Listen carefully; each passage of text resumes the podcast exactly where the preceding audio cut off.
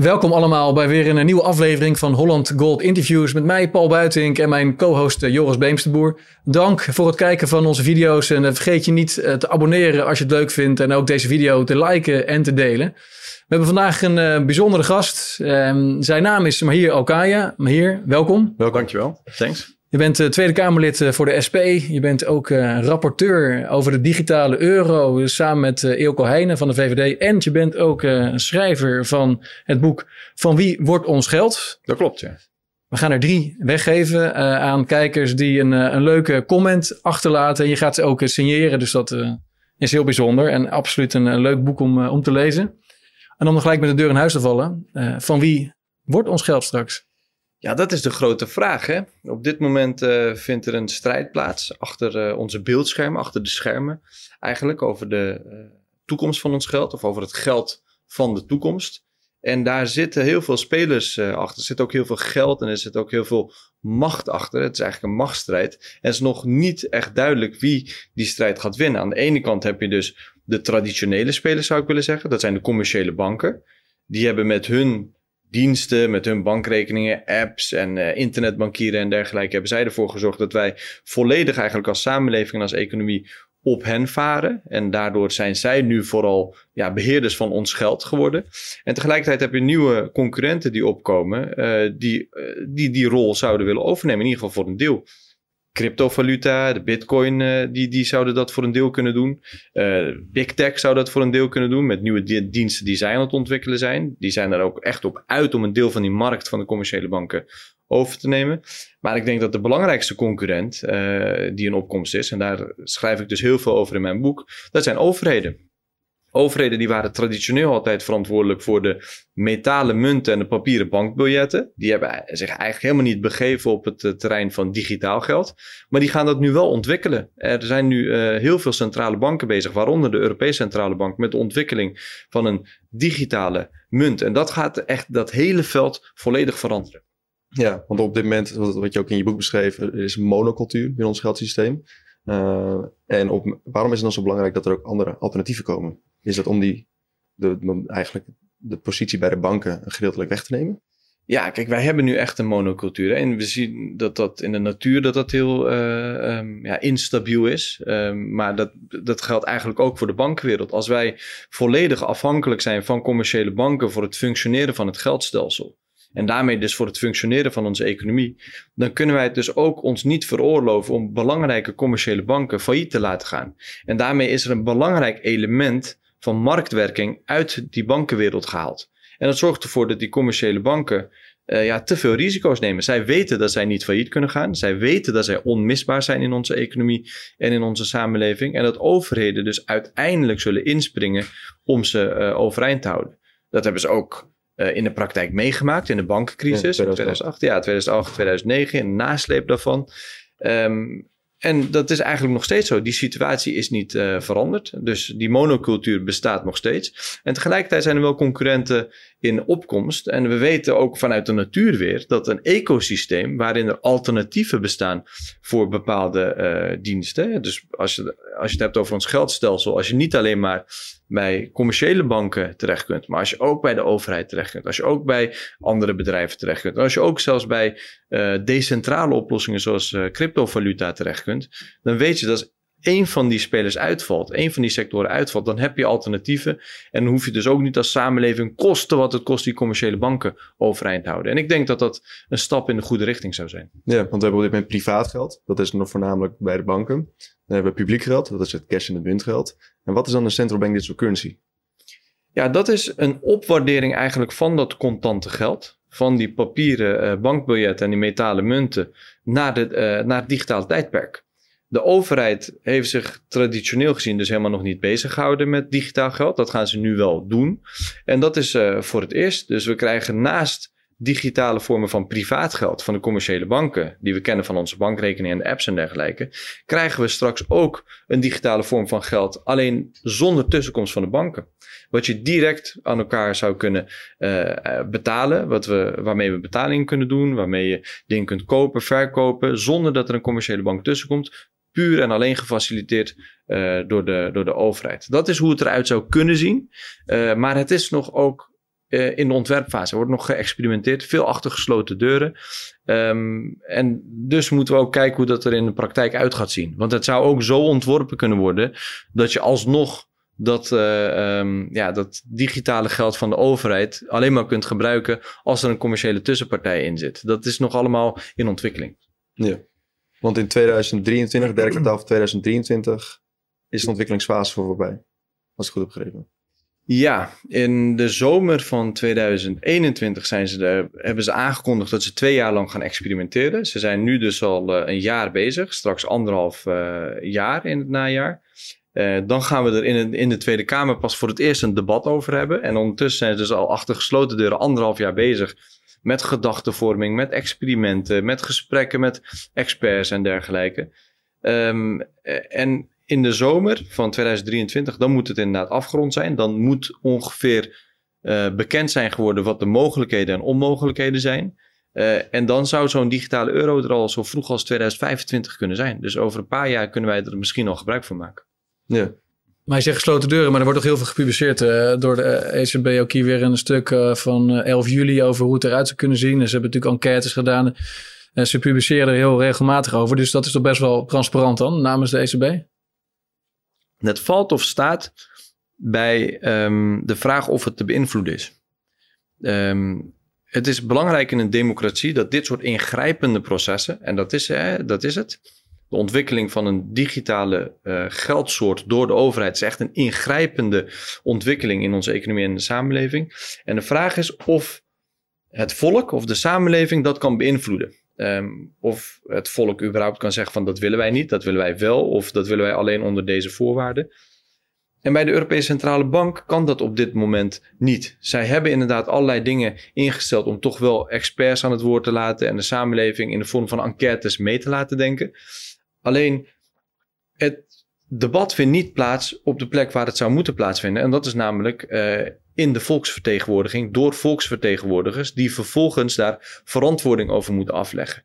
En als ze dat uh, niet goed doen, of als zij de verkeerde besluiten nemen, dat uh, de samenleving ook kan zeggen: Nou, dan stemmen wij niet meer op jou.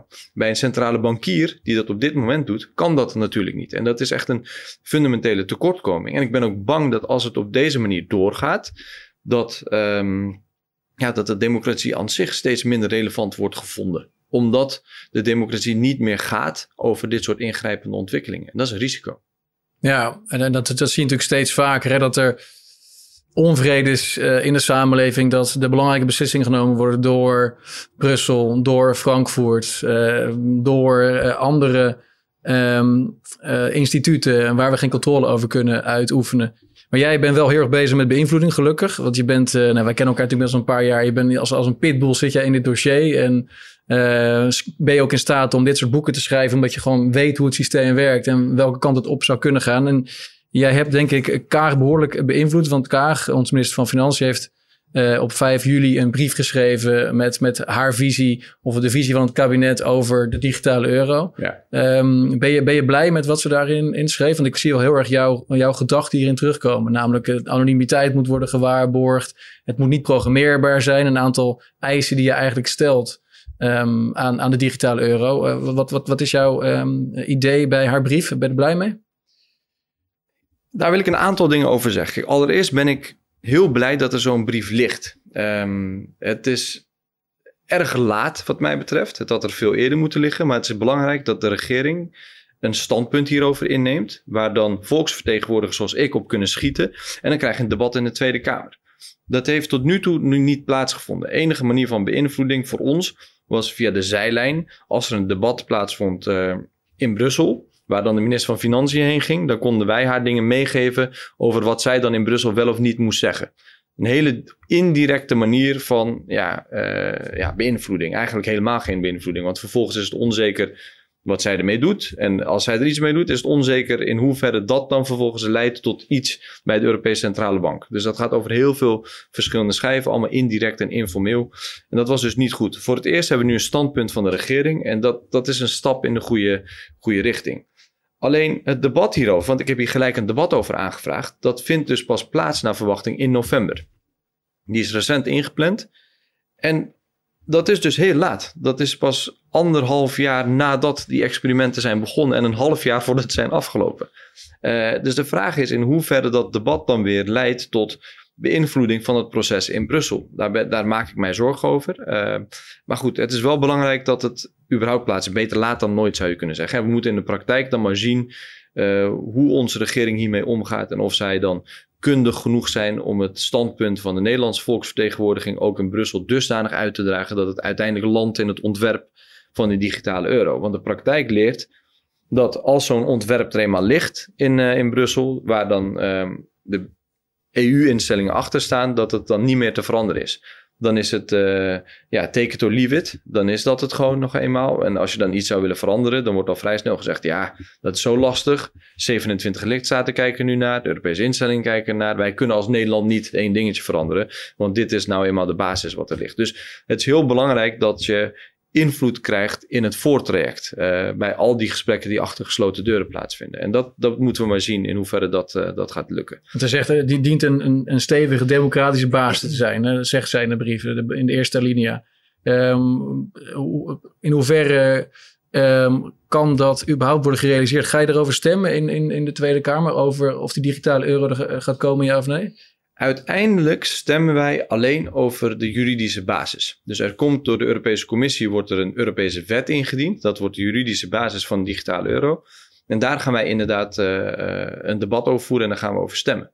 Alleen als wij tegen zouden stemmen, stel je voor wij zeggen tegen de regering van jij moet hier niet mee akkoord gaan in Brussel, dan kan het er alsnog komen, omdat er een, een meerderheid in Brussel van de lidstaten dan toch van mening uh, kan zijn dat het er moet komen. Dus het is niet zo dat Nederland dit uh, in zijn eentje kan tegenhouden. En daarom, er is geen veto-recht uh, in dit geval. Zoals het er nu naar uitziet, lijkt het erop dat het een gekwalificeerde meerderheid in, in Brussel van, van lidstaten dat voldoende gaat zijn. En dat weten we pas 100% zeker op het moment dat de Europese Commissie met, met die wet komt. Uh, want dan, dan hangt er maar net vanaf wat voor dingen er in die Europese wet staan. Of dat de competentie is van puur van de lidstaten van de Europese Unie of samen. Uh, als daar dingen in staan die uh, puur op, op het gebied van de lidstaten zitten, dan hebben lidstaten een vetorecht. Als dat soort zaken er niet in staan, dan is een gekwalificeerde meerderheid genoeg. En dan kan dus Nederland, ook al zijn wij er met z'n allen hier tegen, kunnen we er toch mee geconfronteerd worden.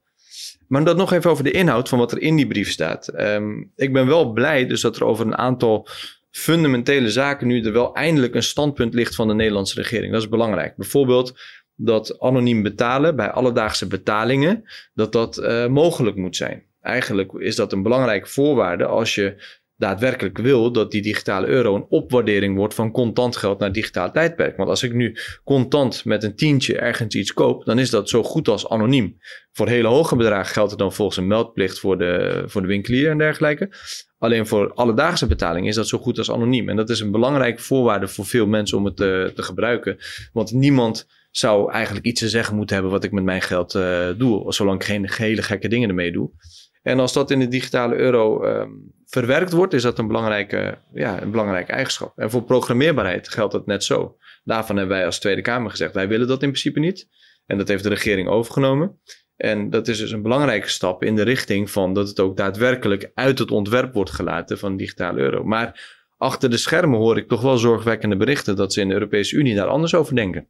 Dat ze denken van, nou, wij willen in de toekomst misschien wel een soort van programmeerbaarheid. Of wij willen in de toekomst Um, uh, wel dat je ook bij alledaagse betalingen uh, onder bepaalde omstandigheden bepaalde checks kunt doen. Dus dan zeggen ze ja, er moet wel privacy moet geborgd zijn. Privacy is belangrijk, maar anoniem betalen, nou, dat weten we nog niet. Dus het is nog geen gelopen race. Maar je had het over dat je moet stemmen voor, voor, uh, voor de juridische uh, basis, voor een verdragswijziging. Hè? Uh, maar wordt daarin ook al dan straks melding gemaakt van dit soort zaken over hoe het design eruit gaat zien? Of ga je straks misschien stemmen over iets wat uiteindelijk helemaal geen invloed heeft op, op het uiteindelijke ontwerp? Want het zou dan kunnen zijn dat je ja zegt in jouw verwachting van oké, maar dan hebben we straks een anoniem, niet programmeerbare digitale euro. En uiteindelijk gaan ze toch gewoon lekker um, bouwen zoals ze dat zelf willen. Exact, dat is precies het risico.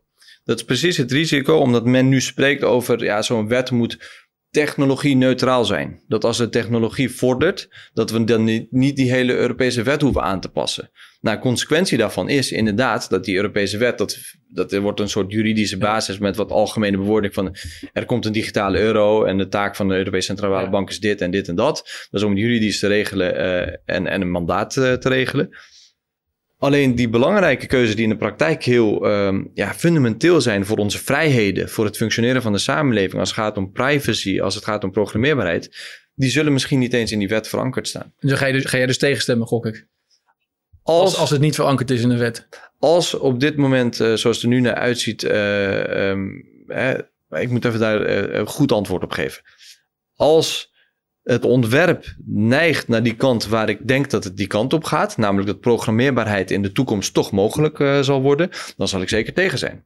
Als het er toen neigt dat anonimiteit niet gewaarborgd wordt, dan zal ik er tegen zijn. Als dat ontwerp er goed uitziet en die juridische basis, daar staat er niet in verankerd, maar het ontwerp sluit het technisch uit, dan zou ik wel alsnog voor kunnen stemmen. Maar dan moet ik er echt van overtuigd zijn dat het technisch uitgesloten is, dat in de toekomst ook niet zou kunnen. En dat is in de techniek natuurlijk altijd heel moeilijk. Ehm, dus dat hangt volledig af van hoe, die, eh, hoe dat ontwerp eruit ziet en hoe het in de wet staat. Dat, dat is een hele belangrijke samenspel. Eh, maar ik ben heel erg kritisch erop. Ik ben heel kritisch aan het volgen.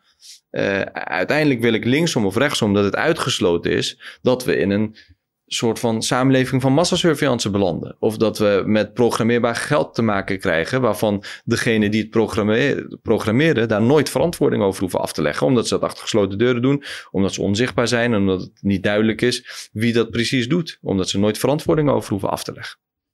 Ja. Hm. Ja, dat is natuurlijk het, eh, het dystopische scenario waar we allemaal wel een beetje bang voor zijn. Als je de laatste tijd ook weer ziet wat er allemaal gebeurt. In China had je natuurlijk recent een aantal eh, bankruns in die Hanan-provincie. een aantal mensen kregen gewoon code rood eh, in hun corona-app en konden daardoor niet de provincie inkomen en ook niet hun geld van de rekening halen. Eh, al, al dat soort technieken eh, worden al in, in verschillende landen ingezet. In Nederland heb ik ook te maken gehad eh, met een, met een QR-code en, en, en, en een, eigenlijk een registratieplicht en allerlei vrijheden die afgenomen ehm, werden. Dat is, als je het gaat, gaat fuseren, integreren met, met je betaalrekening, dan, ja, dan, dan, dan kunnen de machthebbers vreselijke dingen doen.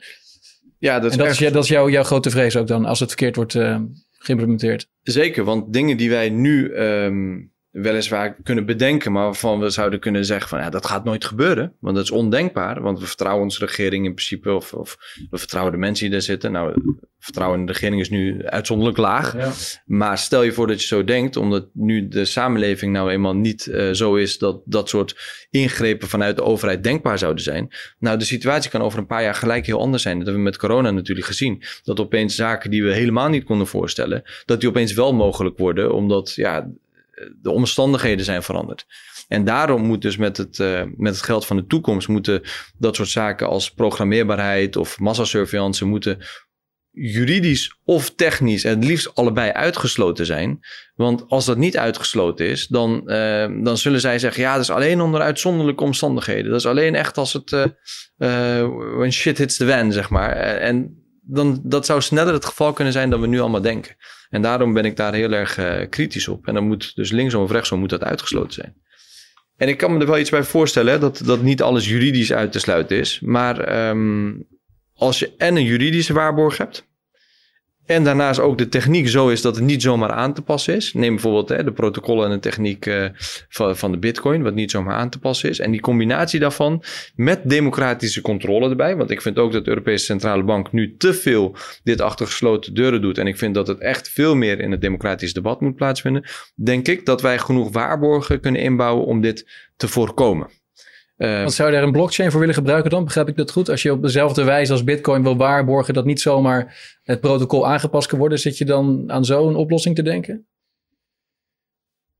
In ieder geval een decentrale op- oplossing. Ehm, hè, en dan is nog de vraag met de blockchain van is het met proof of work, proof of stake of is het een ander soort technologie? In ieder geval een soort eh, technologie wat ehm, eh, token-based-achtig is. En niet zozeer uh, account-based bij de centrale bank, waar ze dan heel makkelijk bij zouden kunnen. Dus ik wil me nog niet vastleggen van, en dit, deze technische oplossing moet het zijn. Maar ik wil in ieder geval een beetje de randvoorwaarden schetsen wat, wat ik idealiter zou willen. Um, een soort van DCBDC, een Decentralized Central and Central Bank Digital Currency. Nou, het kan best dus centralized uitgegeven worden, maar niet dat het dan vervolgens ook te tweaken is. Dat het ook nog hè, de, de, de parameters en uh, ook nog eens te programmeren is, dat dat centraal kan gebeuren. Maar bijvoorbeeld dat uh, bijvoorbeeld één element van, uh, van de Bitcoin, dat er een bepaald maximum aan zit. Um, 21 miljoen is dat ja. volgens mij. Hè? Ja. en dat het daarmee dus ja, onmogelijk is om monetair beleid te voeren. Ik ben heel erg kritisch ten opzichte van het monetair, beleid dat gevoerd is door de Europese Centrale Bank. Maar ik ben niet principieel tegen de mogelijkheid om monetair beleid te voeren op het moment dat er bijvoorbeeld massawerkloosheid ontstaat. Dus die mogelijkheid om monetair beleid te voeren, die wil je ook niet volledig uit handen slaan. Um, dus dat element zou je dan bijvoorbeeld, uh, denk ik, niet moeten willen in een, uh, in een central bank digital currency. Ja, maar als je kijkt naar wat, wat de centrale bank uh, ook zegt over mogelijke oplossingen, dan wordt er op pagina 7 van uw laatste presentatie ook gesproken over limits on transactions. Um, ja, dat kun je op verschillende manieren interpreteren, maar zou dat, heeft dat te maken met een, een maximaal bedrag? Of zou het ook kunnen betekenen dat je bepaalde transacties inderdaad niet kan gaan doen? Dus dat je niet bij de koffieshop mee kan betalen of dat je er geen drank mee kan kopen? Of hoe, hoe zie jij dat soort uitspraken? Als dat laatste het betekent, dan hebben we nu in ieder geval dus een, een uitspraak van de Tweede Kamer en de Nederlandse regering dat wij er tegen zijn. Ja. Um, en dat is een belangrijke stap. En dan moet volgens de regering uh, in, in Brussel dat voor elkaar krijgen dat dat ook niet mogelijk wordt. Want dat zou programmeerbaarheid veronderstellen. Maar limieten ten opzichte van bepaalde uh, transacties uh, of transactiehoeveelheden zou ik in ieder geval aanvankelijk zou ik me daar wel iets bij kunnen voorstellen. Omdat je natuurlijk ook niet massaal een bankrun wil veroorzaken op het moment dat je een, een central bank digital currency instelt en vervolgens er een, een crisis uitbreekt en mensen banken niet meer vertrouwen. En dan heb je um, ja, een schokbeweging richting die CBDC. En dat, dat zorgt voor een instabiel, uh, instabiele uh, economie en een instabiele uh, bankenwereld. En ik, ik ben niet zozeer voor het instand houden van de bankenwereld zoals die nu is. Maar een, een massale ineenstorting, dat moeten we denk ik allemaal niet willen. Je wil het gecontroleerd slopen eigenlijk. In ieder geval in de tijd. Uh, en, en, en slopen, dat, dat klinkt heel uh, rigoureus. Maar in ieder geval dat de commerciële banken wat kleiner zouden worden. Zowel in een bankbalans en ook kleiner in een rol in de samenleving. Dat zou ik enorm toejuichen.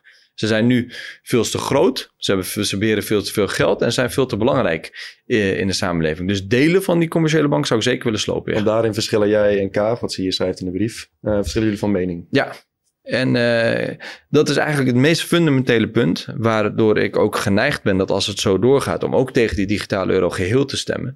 Kijk, waarom willen wij überhaupt als socialistische partij zo'n digitale euro um, accepteren? Waarom zouden we dat uh, acceptabel vinden? Dat is als het een publiek verankerd systeem zou uh, zijn, waardoor de rol van de commerciële banken zou afnemen. Als het zo wordt ontworpen en als ook nog eens als uh, expliciete um, randvoorwaarde wordt geformuleerd dat die commerciële banken, dat die positie van die commerciële banken helemaal niet mag wankelen. Niet zeg maar op korte termijn uh, in een schok, maar ook niet op lange termijn. Ja, waarom zijn we dan überhaupt mee bezig? De belangrijkste voorwaarde voor mij om zo'n digitale euro te accepteren eventueel, als het goed wordt ontworpen met allerlei waarborgen, is zodat we minder afhankelijk worden van die commerciële banken.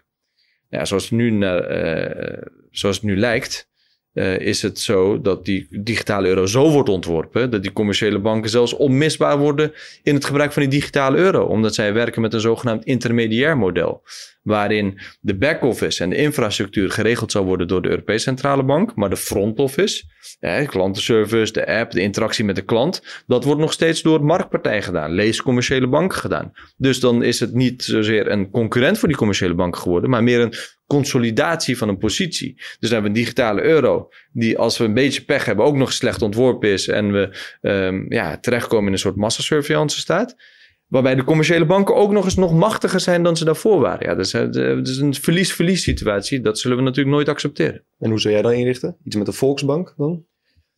Idealiter, wat ik zou willen, daar heb je eigenlijk niet eens een digitale euro voor nodig, is inderdaad een, een nationale betaal- en spaarbank. Een soort volksbank, uh, waar er geen gekke dingen met jouw geld worden gedaan. Een depositobank uh, of een full reserve zo je wil. In handen van de overheid waar de mensen terecht kunnen uh, om een geld te stallen en waarmee ze betalingen kunnen doen. Dus een, een nutsvoorziening voor betalen en sparen, digitaal betalen en sparen. Um, waarmee je dus een fundamentele concurrent voor die commerciële banken instelt. Want op dit moment zijn we allemaal gedwongen om naar die commerciële banken te gaan als wij willen gebruik maken van digitaal geld, van digitaal betalen en sparen. En als de overheid dat aanbiedt, dan wordt het opeens een keuze. Gaan we ons geld beschikbaar stellen aan bedrijven die daar risico mee nemen en geld verdienen en als het goed is ook een deel van dat geld aan ons teruggeven? Of zijn wij helemaal niet uit op rendement en willen wij alleen maar gebruik maken van die nutsvoorzieningen van het betalingsverkeer? Uh, en dan kunnen we bij de overheid terecht. En dan krijg je een veel gezondere situatie. Nou, zo'n soort situatie zou je met de digitale euro kunnen krijgen.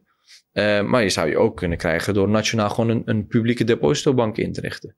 Dus dat was mijn in, een aanvankelijk voorstel. Ik heb een initiatiefnota daarover geschreven. Ik heb uh, 71 stemmen voor uh, weten te krijgen in de Tweede Kamer. Dus 79 stemmen tegen. En dus helaas is dat voorstel verworpen van zo'n echte volksbank. Toen zag ik die digitale euro's. Toen dacht ik, ja, misschien kan dat in de praktijk net zo functioneren als zo'n uh, zo'n uh, in publieke handen. Uh, maar dan moet het ook wel zo ontworpen worden. Als het niet zo wordt ontworpen, ja, dan vind ik dat we eigenlijk nog slechter af zijn met die digitale euro. En dan moeten we er ook met z'n allen tegen zijn. Ja, ik ben dit verleden natuurlijk ook betrokken geweest bij, bij de private depositobank. Die was in 2016 was er een motie aangenomen dat dat mogelijk moest worden gemaakt. Nou, dat is uiteindelijk niet gelukt.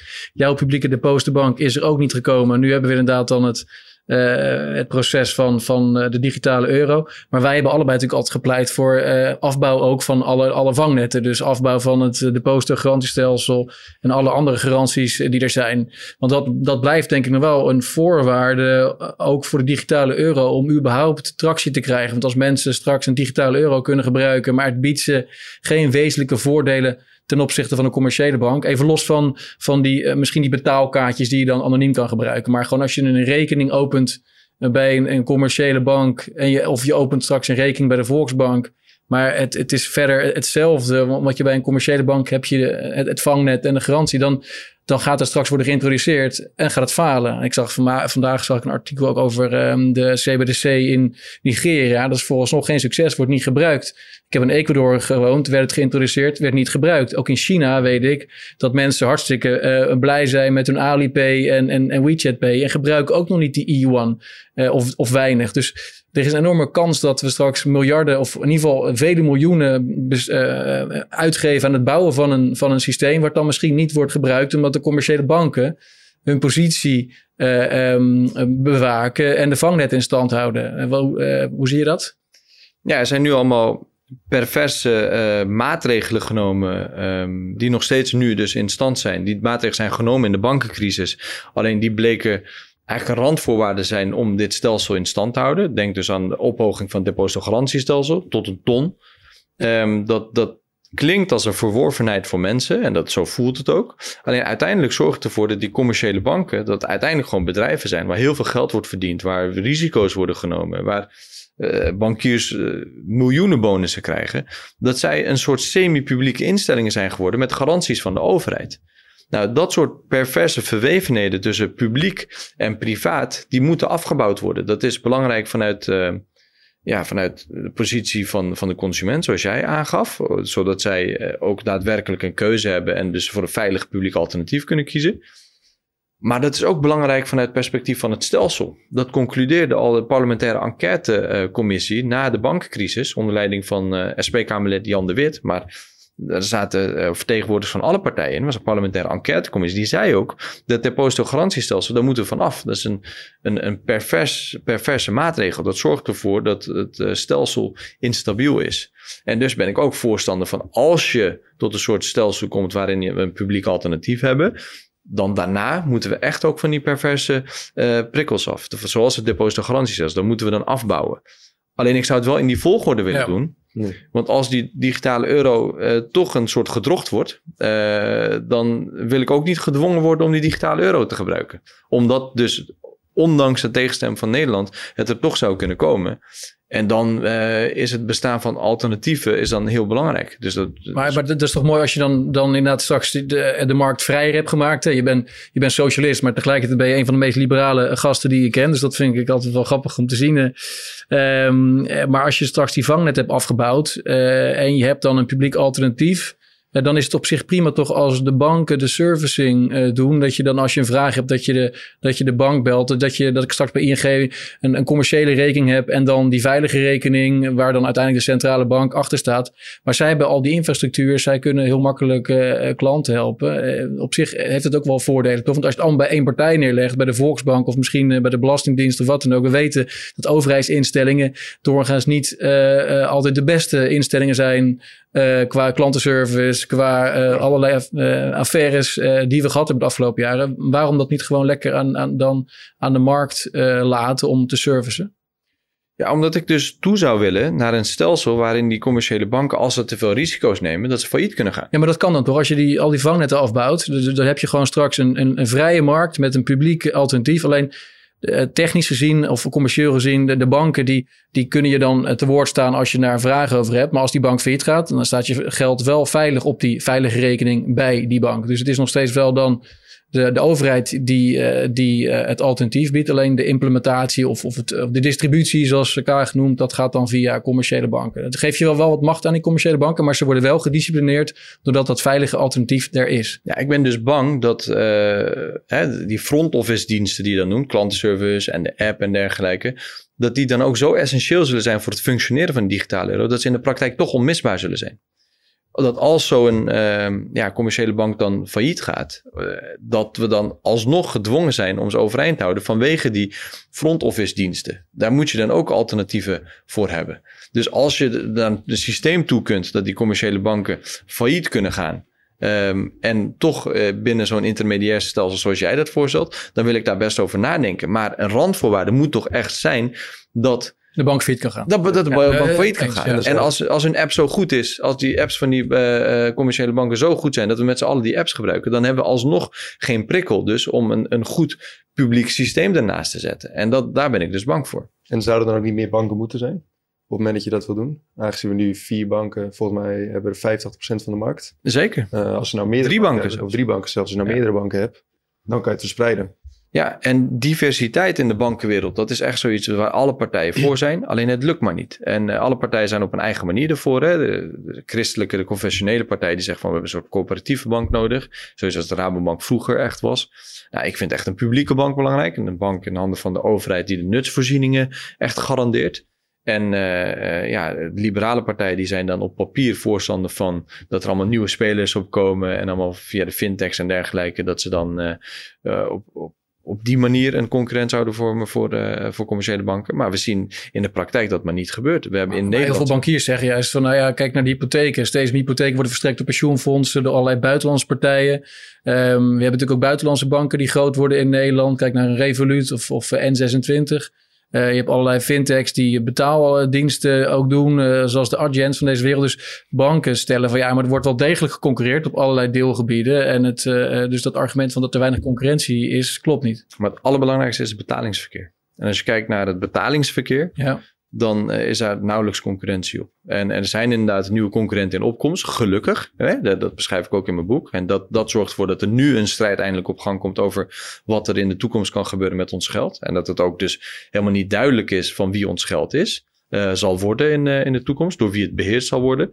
Alleen in de jaren hiervoor en tot dit moment konden we die banken niet failliet laten gaan. Niet vanwege hun hun uh, kredietverleningstaak, maar vanwege hun beheer van het betalingsverkeer. En dat beheer van het betalingsverkeer, dat zegt die bank ook, dat heeft nooit de problemen opgeleverd in de, in de bankencrisis en dergelijke. Dat was altijd stabiel. Dat, dat zou je zo eigenlijk los kunnen koppelen van die banken. Daar we, dat, is iets waar ook weinig risico's aan zitten. Dat is een nutsvoorziening. Maar we hebben het beheer van die nutsvoorziening bij die commerciële banken uh, neergezet. En uh, ja, voor het betalingsverkeer zijn er vooralsnog niet echt concurrenten uh, in, in het stelsel. En ik hoop dat ze wel snel zullen opkomen. En daarom zou ik ook in principe, als zo'n digitale euro goed wordt ontworpen met technische en juridische waarborgen, zou, dat, zou ik dat een waardevolle aanvulling uh, vinden. Ja. We hebben het nu ook voornamelijk gehad over de nadelen, uh, over de gevaren van de central bank digital currencies. Ja. Wat zijn de voordelen of de kansen die het te bieden heeft? We hebben natuurlijk de, net al besproken dat er meer marktwerking plaats zal vinden op het moment dat de central bank digital currency komt op basis van het geld. Ja. Uh, zijn er ook nog andere voordelen?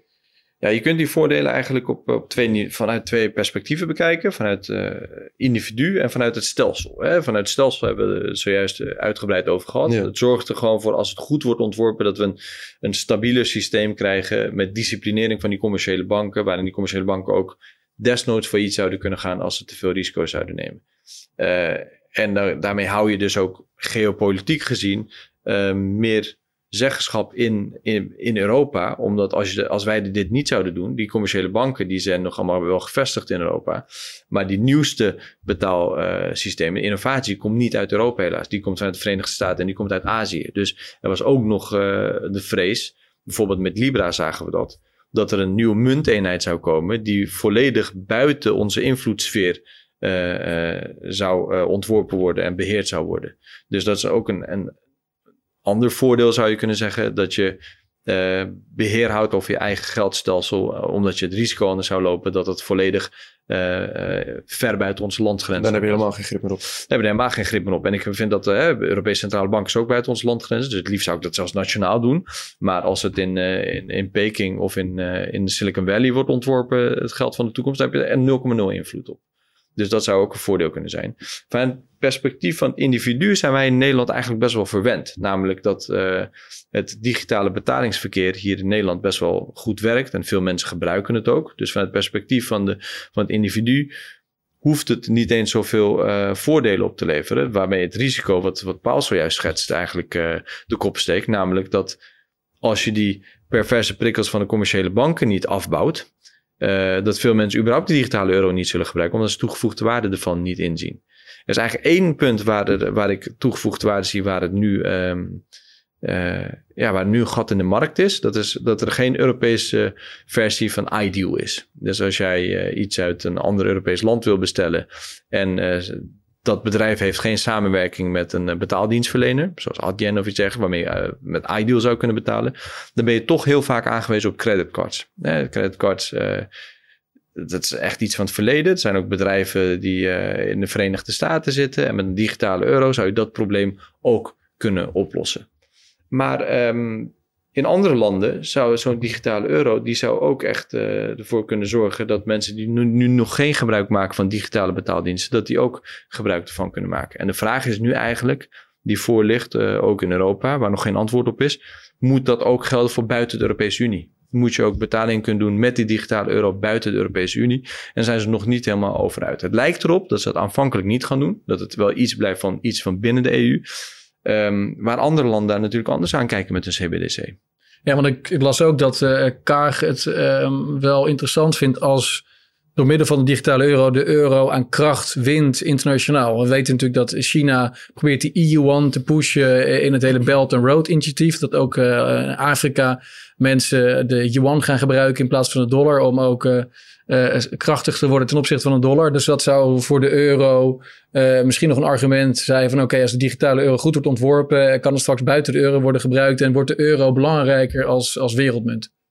Ja, want wij hebben de afgelopen jaren natuurlijk gezien dat wij, omdat wij volledig afhankelijk zijn van die commerciële banken, zijn we ook volledig afhankelijk van de internationale infrastructuur tussen die commerciële banken om betalingen mee te doen, internationaal gezien. Nou, dat heet SWIFT. Hè? Dat, dat, dat zijn de afspraken, de software en de protocollen waarmee commerciële banken betalingen aan elkaar kunnen doen. Dat is uh, een organisatie die SWIFT heet. En uh, dat staat volledig ook onder controle nou, van, van de westerse wereld. En de Amerikaanse. Amerikanen, ja. De Amerikanen die hebben daar echt uh, de meeste invloed. En die misbruiken dat ook in hun sanctiebeleid, in internationaal beleid. En dat is natuurlijk wel een enorme toegevoegde waarde voor de Europese Unie. Um, terwijl de Amerikanen onze bondgenoot zijn. Maar dat is nog een veel grotere toegevoegde waarde is dat voor een land als China. Die, die dat hele SWIFT-systeem van tussen die commerciële bank kan omzeilen met een eigen digitale betaalinfrastructuur. En daardoor niet meer te maken heeft van uh, de dreiging van sancties die Amerikanen te passen en te onpassen inzetten. Hey, maar jij maakt je als SP best wel veel zorgen over de euro. Hè? Je, ook niet voor niks roep je in je partijprogramma ook op voor het onderzoeken van alternatieven. Tegelijkertijd uh, besteed je nu ook heel veel tijd uh, in, uh, of aan de de euro 2.0, namelijk de digitale euro. In hoeverre is, het, is het een waste of time als je je zorg maakt over de euro? Is dit, is dit dan wel een, nuttig, een nuttige besteding van je tijd? Ik ben ervan overtuigd dat de euro op lange termijn onhoudbaar is. Um, dat zien we nu ook weer met uh, de rentestanden in Italië die dan te ver oplopen als de Europese Centrale Bank een beetje normaler beleid gaat voeren. En dat is dan weer zo'n uh, zodanig risico dat de Europese Centrale Bank weer nieuwe bevoegdheden naar zich toe trekt, een nieuw instrument introduceert en politieke besluiten gaat nemen eigenlijk om die verschillen te verkleinen. Dat, dat, dat is niet lang houdbaar als je geen politieke unie ernaast zet. Wij zijn geen voorstander van de politieke unie. Wij zijn als SP voorstander van nationale democratie en nationale soevereiniteit, omdat daar toch ook echt wel de, de meeste democratische bevoegdheid zit. Als je kijkt naar de opkomst bij verkiezingen, als je kijkt naar wat voor debat houden de meeste mensen in de gaten en uh, welke politici rekenen ze het meest af, dan zie je aan alle kanten dat de democratie op nationaal niveau het beste werkt. En daarom is het ook belangrijk dat die nationale democratieën um, ja, gewoon uh, gerespecteerd worden. En uh, dat respect uh, wordt steeds meer weggehaald doordat er steeds meer op internationaal niveau wordt besloten. Nou goed, dus die euro, denk ik dat die op lange termijn onhoudbaar uh, zal blijken te zijn. En daarom moeten wij een alternatief hebben. Welke termijn? Langere termijn? Kun je iets Ja, dat is echt super moeilijk te zeggen. Want zij kunnen dat proces natuurlijk heel lang rekken met dit soort fratsen wat ze nu uithalen weer met dat instrument. Uh, en op een gegeven moment zal men dat niet meer accepteren, denk ik. En uh, ik weet niet wanneer dat moment aanbreekt. En ik vond het wel interessant. Hè, op... Met men bedoel je de kiezers in Noord-Europa bijvoorbeeld? Ja, dat zie je nu met, met corona herstelfonds, zie je dat weer. Dat wordt als enorm onrechtvaardig wordt dat, uh, gevonden. Het heeft helemaal niks met corona te maken. Het heeft gewoon uh, te maken met het verkleinen van de verschillen tussen Europese economieën. En dat wringt aan alle kanten. De, de, de, Europese economieën, de Europese landen, samenlevingen zijn nou eenmaal verschillend. Die zijn nou eenmaal anders. En de euro die miskent dat. Die miskent die verschillen. En dat, dat gaat op een gegeven moment volgens mij wringen. Ik weet niet wanneer dat moment aanbreekt. Uh, maar ik vind het gewoon belangrijk dat er een, een publiek alternatief komt. En op het moment dat we te maken hebben met de digitale, uh, of met, met een euro, dan is het logisch dat de digitale versie daarvan ook digitale euro wordt als die goed wordt ontworpen. Maar ik zou me heel goed kunnen voorstellen dat wij op nationaal niveau ook zo'n munt krijgen. Sterker nog, toen uh, Yanis Varoufakis te maken had met uh, een potentieel uittreden van Griekenland uit de euro in de eurocrisis, had hij een plan klaar liggen om op basis van de blockchain een nationale digitale munt in te stellen. Heb je dat plan ook gezien? Ik heb dat plan niet gezien. Hij heeft het uh, verteld in een, uh, in een interview. Maar jouw, jouw Griekse evenknie, de rapporteur uh, in Griekenland die daar het parlement informeert over de digitale euro, is dat iemand met wie je kunt kunt sparren over, over ook de, de technische eh, implementatie van een digitale euro? Nou, niet op dagelijkse basis, helaas. Die, die contacten zijn wel heel moeilijk. Wij hebben als parlement hebben contact met andere parlementen, dus wij weten wat zij doen. Uh, uh, maar er zijn maar heel weinig parlementen die al rapporteurs hebben aangesteld. Het Europese parlement heeft ook nog geen rapporteur aangesteld. Wij hebben daar ook gesprek met ze gevoerd van wanneer gaan jullie dat dan doen? Uh, en veel parlementen en het Europees parlement die gaat dat pas doen op het moment dat de Europese Commissie met een voorstel komt voor die juridische basis waar we het over hebben gehad. En dat is pas uh, in 2023 ja, dan ben je in praktijk veel te laat. Dus wij zijn als Nederland, een van de weinige landen, proberen wij dat proces aan de voorkant te beïnvloeden. En dat lukt dus redelijk uh, tot nu toe. Ik ben daar optimistischer over geworden, maar het resultaat is nog uh, onzeker. Maar ja, kom korte antwoorden op, jou, uh, op jouw vraag over de euro. Op het moment dat de euro in elkaar stort, moeten we denk ik klaarstaan met ja. de digitale gulden. dat, dat, daar dat is, dat is, ja, het is een hele handige trainingsuren, vlieguren die je nu maakt om om, als dat moment straks komt. Want het, het voelt een beetje als van je bent op de Titanic en je, bent, je vraagt uh, aan, de, aan het orkest of ze alsjeblieft een ander liedje willen opzetten. En zo van ja, de tijd dat je nog op die boot zit wil je zo goed mogelijk inrichten. En uh, is het beter om af en toe een ander liedje te horen. Maar uiteindelijk zeg je van joh, je moet de tijd op, op de boot gebruiken om, om een goede reddingsboot te ontwikkelen. En, nou, je bent met twee, twee verschillende strijden eigenlijk bezig die wel met elkaar te maken hebben. Enerzijds de strijd tegen de, alleenheerschappij en oppermachtige commerciële banken. Daarom vind ik dit belangrijk. Aan de andere kant heb je de strijd van de, van, ja, de onhoudbare euro en um, wat de Europese Centrale Bank daar allemaal mee doet, wat voor fratsen zij daarmee uithalen. En die twee zaken hebben wel met elkaar te maken. Alleen, um, we hebben nou eenmaal nu met die euro te maken. Ja. Dus die. Maar je zegt zelf al fratsen, dus de, met de digitale euro geef je eigenlijk de ECB dus nog meer macht. En, en tegelijkertijd uh, weten we van ECB en haar fratsen. Dus is dat dan een... een een instituut die je nog meer macht wil geven, wetende dat ze in staat zijn tot allerlei fratsen. Ik denk dat als je het helemaal, helemaal gewoon echt eh, afpelt, waar het dan op neerkomt, is wie is je grootste vijand? Zijn dat de commerciële bank of de Europese Centrale Bank? En ik zou dan toch op nummer 1 de commerciële banken zetten. We moeten eerst die beteugelen en ervoor zorgen dat die wat meer onder controle hebben, dat die wat kleiner worden. En daarna komt de Europese Centrale Bank. Ja. Maar de commerciële bank zal zeggen, weet je, we, uh, wij doen gewoon wat, wat de wet ons voorschrijft. Dus net als als het gaat om surveillance. We, we leven in een surveillance maatschappij. En, het, en commerciële banken, en, eh, bij de Rabobank, een derde van het personeel is compliance personeel. Niet omdat de Rabobank dat zo leuk vindt, maar omdat de wetgever dat voorschrijft. Um, en alle betalingen worden, worden getracked. Uh, je hebt de travel rule, dus we hebben totaal geen anonimiteit binnen bankenland. Maar nogmaals, niet per se omdat de banken dat zo graag willen, maar omdat de wetgever dat voorschrijft. Dus we kunnen natuurlijk ook um, de banken uh, wat uh, minder uh, op die manier reguleren dat je als consument wellicht wat meer um, anonimiteit of privacy geniet bij je bank. in plaats van er een, een anonieme betaalkaart uitgegeven door de centrale bank naast te zetten. Het voelt een beetje paradoxaal als je als wetgever enerzijds de banken aan enorme eisen uh, onderlegt en anderzijds uh, als, als, als speler in die markt actief gaat worden met iets wat wel anoniem is. Dat, dat is toch een beetje schizofreen. Ik denk dat de wetgevers inderdaad voor mijn tijd dat die een verkeerde weg zijn ingeslagen van micromanagement van commerciële banken. Er echt heel dik bovenop zitten. Met, met allerlei eisen als het gaat om met transactiemonitoring, had je het zojuist over. Maar het gaat ook over allerlei andere zaken. Eh, van, van, van de bonussen tot aan buffereisen. Dat soort zaken regelen we ook niet voor andere multinationals, die ik ook wil aanpakken. Voor weet ik veel supermarktketens of uh, levensmiddelenfabrikanten of uh, noem, maar, noem maar iets. Dat, he, dat hebben symptoombestrijding. De, dat is allemaal symptoombestrijding. Ja. Dat hebben de wetgevers voor mij inderdaad hebben dat zo gedaan omdat zij niet de fundamentele hervorming aandurfden door een commerciële bank failliet te laten gaan en die nutsvoorziening in publiek beheer te nemen, te nationaliseren. En als wij uh, toen bereid waren geweest om die nutsvoorzieningen, vitale infrastructuur volgens de NCTV, van betalingsinfrastructuur, om dat in publieke handen te nemen, dan waren al die micromanagement niet eens nodig geweest. Want dan zou je zeggen, nou, commerciële bank, doe lekker wat je wilt. En als je het verkeerd doet, dan ga je lekker failliet. Want wij hebben onze nutsvoorziening al in publiek beheer goed geregeld. En dat hebben de wetgevers in de, in de voorgaande jaren inderdaad niet goed gedaan. De commerciële banken hebben nu wel makkelijk praten. Doordat ze zeggen van ja, wij moeten dit nou eenmaal van de wet. Maar als ze destijds de vraag hadden gekregen van oké, wat wil je dan liever? Micromanagement vanuit de overheid? Of dat zij een publiek alternatief uh, gaan instellen? Hadden zij voor micromanagement gekozen. Dat weet ik zeker. Want het publiek alternatief, dat is echt een existentieel probleem voor ze. Hmm. Want we hebben het ook eh, over gehad natuurlijk dat de euro onhoudbaar is op lange termijn. We hebben verschillende gasten gehad die het ook hadden over het belang van het hebben van uh, assets buiten het financiële systeem. Hoe kijk jij tegenover bitcoin en goud? Ik vind het bestaan van alternatieven vind ik heel belangrijk. Uiteindelijk waarom um, commerciële banken de afgelopen jaren hebben, niet hebben aangedurfd om negatieve rentes door te berekenen aan, uh, aan particulieren, is omdat particulieren de mogelijkheid hadden mogelijkheid hadden om cash op te nemen. Uh, dus als zij uh, diep negatieve rente zouden doorrekenen op betaal- en spaarrekeningen, dan zou iedereen massaal cash opnemen. En die stok achter de deur heeft ervoor gezorgd dat ze die negatieve rentes niet hebben doorberekend.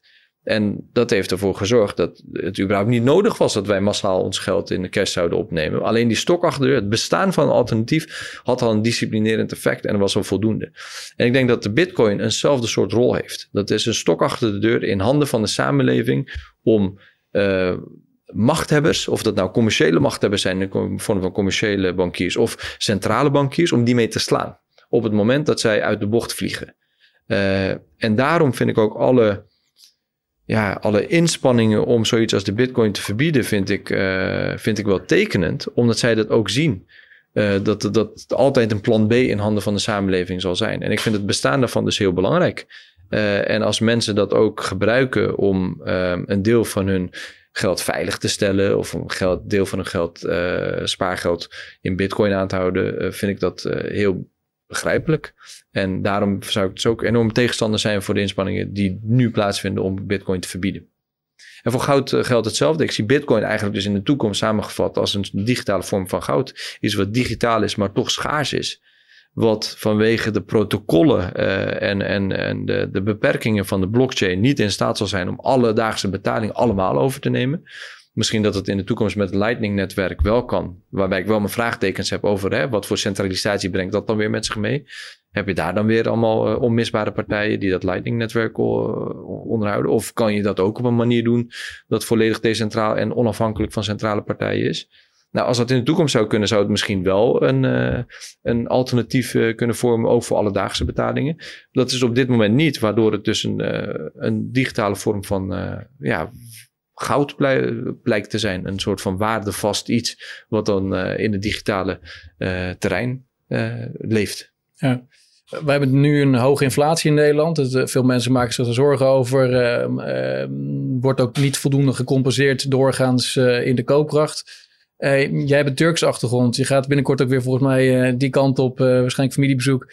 Um, Turkije heeft al heel lang hele hoge inflatie. Ik vind het wel interessant om eens te, te begrijpen hoe men daar omgaat met inflatie. houden ze daar dan euro- en dollar rekeningen aan? Of kopen ze inderdaad crypto of goud? Of wat, wat, zijn, wat zijn jouw persoonlijke ervaringen van familie, vrienden in Turkije? Hoe, hoe gaan ze in de praktijk om met die inflatie van wel 60, 70 procent volgens mij? Durf ik echt niet te zeggen. Durf ik echt niet te zeggen. Ik, eh, ik heb weinig contact met mensen in, uh, in Turkije. En als ik familie spreek, dan is dat niet over uh, hun uh, beleggingsportefeuille. Dus dat nee. durf, ik, durf ik echt niet Ook te niet in gesprekken in, bij, bij, als je een verjaardag hebt en je zit met elkaar, dat, dat daarover wordt gesproken? Van, nee, eigenlijk nee, helemaal okay. niet. Nee, nee. Dus ik, het is wel zorgwekkend natuurlijk. Ja. Inflatie over de hele wereld. En Turkije is natuurlijk extreem extreem. Extremer dan in Nederland. Maar ook in Nederland is het natuurlijk zorgwekkend dat, uh, dat het monetaire beleid van de afgelopen jaar, dat, dat, dat zeiden wij toen al hè, in allerlei gesprekken van dit is een tijdbom, dit kan niet lang goed gaan. En dat is nu ook zo gebleken. Er moest maar even een, een vonkje plaatsvinden en het slaat om in een enorme inflatie. Dat, dat zien we nu. En uh, er is ook laatst een, een rapport, een, een uh, lang verwacht rapport verschenen. Een, van, van Laura van Geest, het IBO-rapport uh, over vermogensongelijkheid. Dat gaat ook echt veel invloed hebben op de politieke beschouwing in september. En daarin wordt ook heel duidelijk gezegd dat monetaire beleid van de afgelopen jaren, dat leidt nu tot in, niet alleen tot inflatie, maar ook in de jaren dat het niet heeft geleid tot inflatie, heeft het de vermogensongelijkheid vergroot, omdat de mensen met geld er vooral van hebben geprofiteerd. De assetinflatie die we toen hadden. Ja, ja. precies. Van, uh, van de aandelenkoersen en de vastgoedprijzen. Dus het heeft uh, zelfs in die tijd dat het nog niet ogenschijnlijk tot problemen leidde, leidde het al tot problemen, namelijk door de vermogensongelijkheid enorm te vergroten. En daar hebben we nu mee te maken. Met een enorme vermogensongelijkheid. Heel veel mensen die op het randje leven en dat de inflatie ze net over het randje duwt. Het zijn miljoenen huishoudens waar we het over hebben.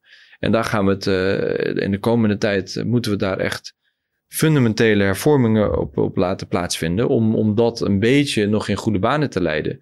Maar ik ben bang dat het heel veel pijn op zal leveren. Omdat je natuurlijk zoveel jaren van pervers beleid ook niet met een paar tweaks hebt goedgemaakt. Nee. Nee, het, worden wat dat betreft uh, nog hele roerige jaren, denk ik. Uh, dat denk ik ook, ja. Ik hoop dat we, dat het een beetje, um, ja, in, in, zekere zin nog uh, kunnen controleren wat gaat gebeuren. En dat het niet uit, uh, enorm uit klauw gaat, gaat lopen. Nou, het normaliseren van het monetair beleid is onvermijdelijk. Dat gebeurt nu ook. En dat gaat gepaard met heel veel, heel veel pijn. En ik denk dat de regering daar de verantwoordelijkheid heeft om de koopkracht van mensen te compenseren. En dat kan ook, omdat je ziet dat nu de prijzen niet alleen maar stijgen doordat uh, grondstoffen duurder worden en doordat uh, bedrijven denken van nou dat kan ik doorberekenen uh, aan mijn klanten, want er is geld genoeg in, in de samenleving. Maar ze doen er nog een schepje bovenop. De winstmarges nemen ook toe. We hebben gisteren nog gehoord dat een bedrijf als Unilever minder heeft verkocht, maar meer winst heeft gemaakt. Dus bedrijven maken ook nog eens misbruik van de situatie door hun winstmarges te verhogen. Dus is er alle reden volgens mij nu om de winstbelasting te verhogen. En met dat geld dat de overheid dan ophaalt, om de koopkracht van mensen te repareren. Ja, voor de grote bedrijven dan, denk ik, of niet voor de, voor de kleinere ondernemingen? Ja, wij zijn uh, voorstander van een progressief stelsel, ook bij de winstbelasting. Die, dat zit er nu al in, het zijn twee schijven. Dat zouden best meer schijven kunnen zijn. En zeker die grote bedrijven, die betalen nu veel te weinig belasting. Die, uh, als je ziet van wat de winstbelasting is geweest in de jaren 80, was dat 48 procent. Nu is dat 25,8 procent. Dus dat is echt, uh, dat zou meer dan gehalveerd zijn als dan in het kabinet lag. Wij hebben dat nog weten tegen te houden, maar alsnog is het historisch laag. Ja. Mooi, nou uh, laten we het afronden. Heb jij, nog, heb jij nog dingen die je nog wilt bespreken, Joris? Nee. heb jij nog punten die we niet benoemd hebben vanuit je boek? Of misschien qua proces, nog even goed om te herhalen, denk ik, wat de volgende stappen zijn. Dat mensen zich ook kunnen voorbereiden en of kunnen toeleven naar. Want het is natuurlijk een heel erg langzaam, lang proces. Het duurt nog jaren voordat we die munt hebben. Maar om misschien wat wat urgentie erin te brengen. Wat zijn er de data waar we naar uit kunnen kijken als, uh, als bevolking? Ja, er komen hele belangrijke momenten aan. Uh, allereerst in november gaan we dus een, een, debat in de Tweede Kamer hebben. En als je wil weten waar dat dan precies over gaat, wat dan de belangrijke ontwerpkeuzes zijn, waar het gaat om uh, de bevoegdheden en de macht, waar leggen we de macht neer en hoe functioneert onze democratie, dan raad ik dus ook iedereen aan om het boek te lezen. Ja, even een goede plug nog doen. Van wie wordt ons geld? we geven er drie weg dus hè, aan, de, aan de drie leukste comments. Ja, dus dan ben je goed geïnformeerd en dan kun je dat debat in de Tweede Kamer in november dus ook goed volgen. En vervolgens komt dus de Europese Commissie begin 2023 met een, uh, met een Europese wet, wat de juridische basis moet zijn van de digitale euro. En dan barst het debat in Europa helemaal los. Dan wordt denk ik ook alle andere parlementen worden dan wakker. En dan zul je ook zien dat er ook veel meer mensen uh, die er nu nog niet over nadenken, die er dan een mening over zullen hebben. En dan uh, moeten wij er denk ik allemaal klaar voor staan. Dan moet je weten waar het over gaat. Want dit gaat over ons allemaal. Dit gaat over ons geld, ons geldstelsel. En er zijn echt hele belangrijke beslissingen die genomen moeten worden. Ja, want de banken hebben natuurlijk al een sterke lobby. Die zijn al heel erg bezig uh, die, worden al, uh, die worden ook al betrokken in de consultatie. Die beïnvloeden. Die maken zich zorgen over hun existentiële uh, rol eigenlijk. Of, of hun voorbestaan. Um, het, het, volk wordt nog niet voldoende wakker. In ieder geval Nederland een beetje, maar in andere landen nog niet. maar goed, dat is dan iets wat we met elkaar moeten blijven aanwakkeren.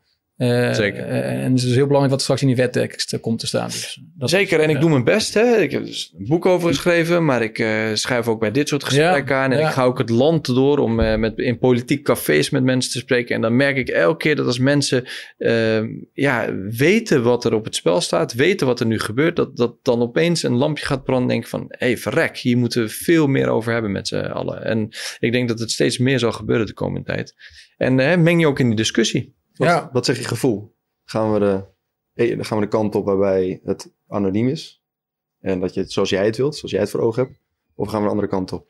Op dit moment door al mijn inspanning van de afgelopen jaren, Paul weet het, ik ben er al heel lang mee bezig, ben ik wel iets optimistischer geworden. Omdat ik zie dat als je aan alle kanten duwt, trekt, slaat, schopt, dat er wel iets kan veranderen. En dat is veel via de informele weg. Niet, dus niet via formeel kamerdebatten, maar ook heel veel in die achterkamers uh, zeggen dat dingen in het kamerdebat moeten plaatsvinden. Uit die achterkamers trekken in de transparantie.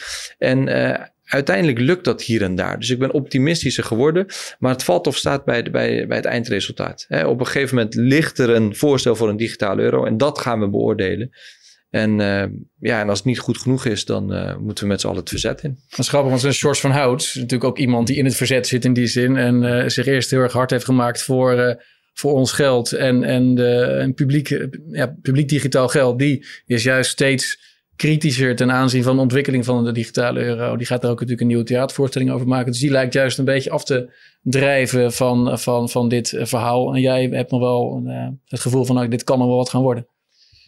Ja, per saldo denk ik dat als ik mijn geld ergens zou moeten inzetten, dan denk ik toch dat het die kant op gaat waar we met z'n allen niet willen dat het opgaat. Maar eerst was ik echt volledig van overtuigd, dat is ook wat men wil en dat zal ook gebeuren. En dus ik ben iets optimistischer geworden. Dus, ja. uh, nou, er staan ook positieve elementen in die brief van Kagen. Dus misschien de, dat het jouw kant op gaat rollen, het balletje. Uh, wij, wij steunen je in ieder geval en uh, waarderen heel erg uh, alle tijd die erin steekt. En ook dat je hier wil aanschrijven. Dus super bedankt. En um, nou ja, ik hoop dat veel mensen je boek gaan kopen en, en jou blijven gaan volgen. En dat we, dat we scherp blijven. Graag gedaan. Dank ook voor het gesprek. Ja. Dank jullie wel. bedankt. Thanks.